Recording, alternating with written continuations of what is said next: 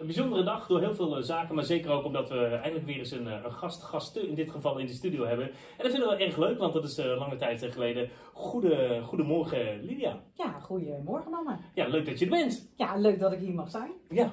En, nou, op zich een heel bijzonder verhaal eh, wat, je, wat je kon vertellen, wat een, eh, nou, een hele tijd eh, terug is eh, begonnen. Eigenlijk via de app, want eh, wij, zijn, ja, we hebben elkaar eigenlijk leren kennen via dit programma. Toen was je Ja, hier te gast, toch? Weet je nog eh, waarvoor je te gast was? Ja, dat was voor dat eh, goede doel van eh, ik trakteer. En toen zei je ook later van nou, mocht je nog eens een keer iets bijzonders te melden hebben, dan eh, neem contact op.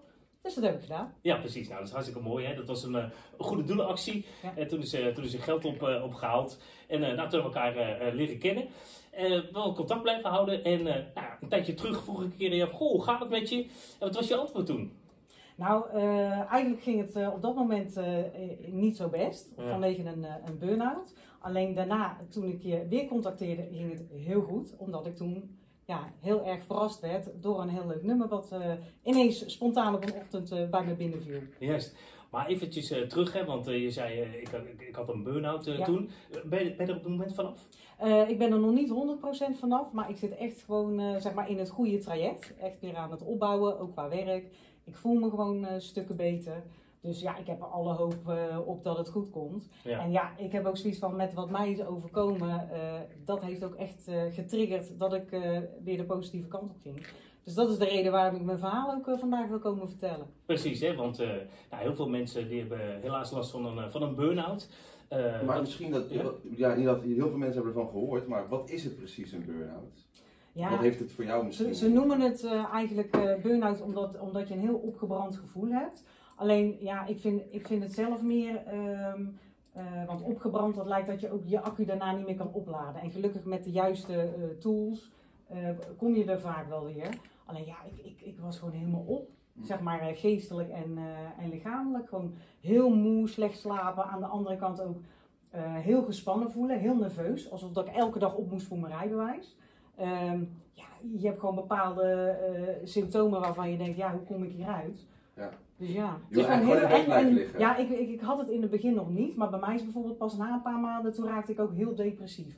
Maar er zijn ook mensen bijvoorbeeld die krijgen dat gelijk eh, vanaf het begin al. Maar je wil eigenlijk gewoon heel de dag in bed blijven liggen en... eh, Ja, ja en niks is leuk. En niks Echt is leuk. ongelooflijk, Maar vooral niks is dat, leuk. Ja. Ja.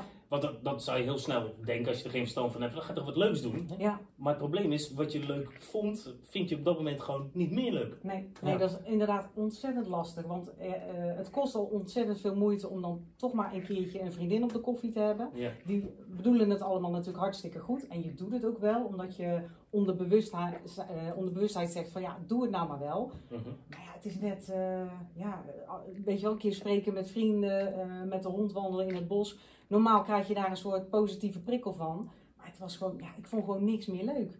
Ja. En dat is gewoon, dat is heel bizar.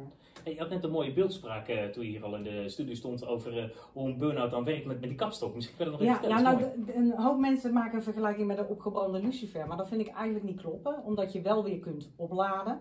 En een, een lucifer die opgebrand is, dat is gewoon over en uit. Dat is klaar. En ik had meer het idee van eh, zo'n staande kapstok. En daar kan je prima een hele hoop jassen op gooien. Alleen op een gegeven moment komen er zoveel jassen bij. En dan ook nog eens aan één kant.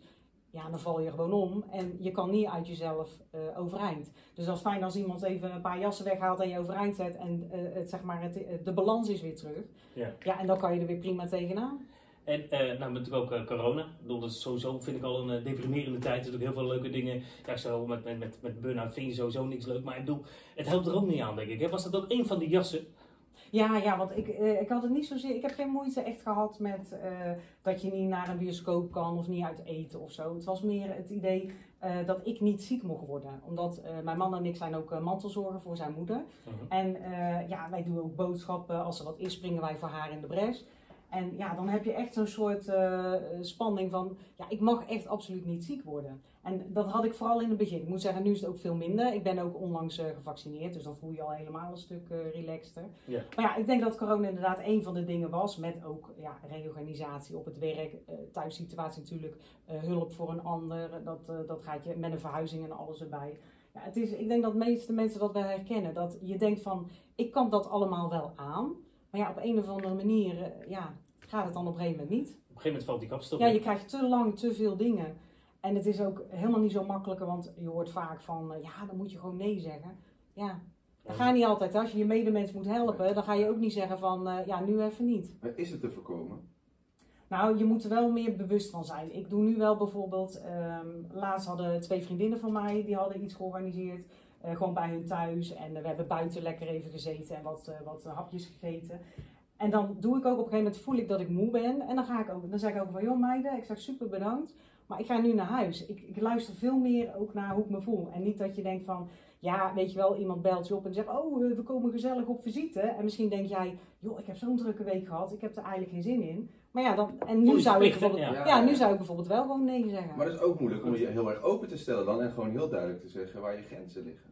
Ja, maar dat, eh, ik denk dat mensen het op een gegeven moment ook wel eh, begrijpen. Als Ja. je natuurlijk een burn-out echt hebt gehad. Ja. Alleen ja, voor diegenen die het nog niet hebben gehad en die denken van ja, eh, ik doe alles maar, want dat lukt me wel. Ja, ik liep op het laatst ook. Ik liep alleen nog maar op adrenaline. Ik, ik, ik, Oh ja. dacht, dat, ik dacht dat het energie was. Maar toen ik, ik kreeg allemaal van die plakkers en zo op eh, mijn lichaam om dat te testen. Nou, dat was helemaal niet zo. En eh, dan moest ik ontspannen. En ze zei, zit je nu ontspannen?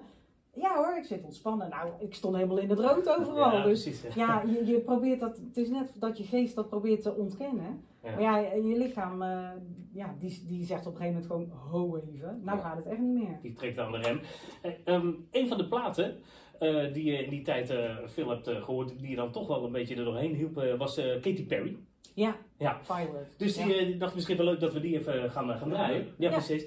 En daarna gaan we het over jouw project hebben. Want hoe ben je uit deze toch wel hele vervelende situatie gekomen? Dat, dat is een mooi verhaal, vind ik. En daarom moeten we dat op de radio vertellen. Maar dat gaan we zo horen. Ja. Dus dat gaan we zo vertellen. En daar is iets moois uitgekomen. Ja, iets wat we zeker. ook op de radio gaan laten horen. Maar dat krijg je zo dadelijk. Eerst dus Katy Perry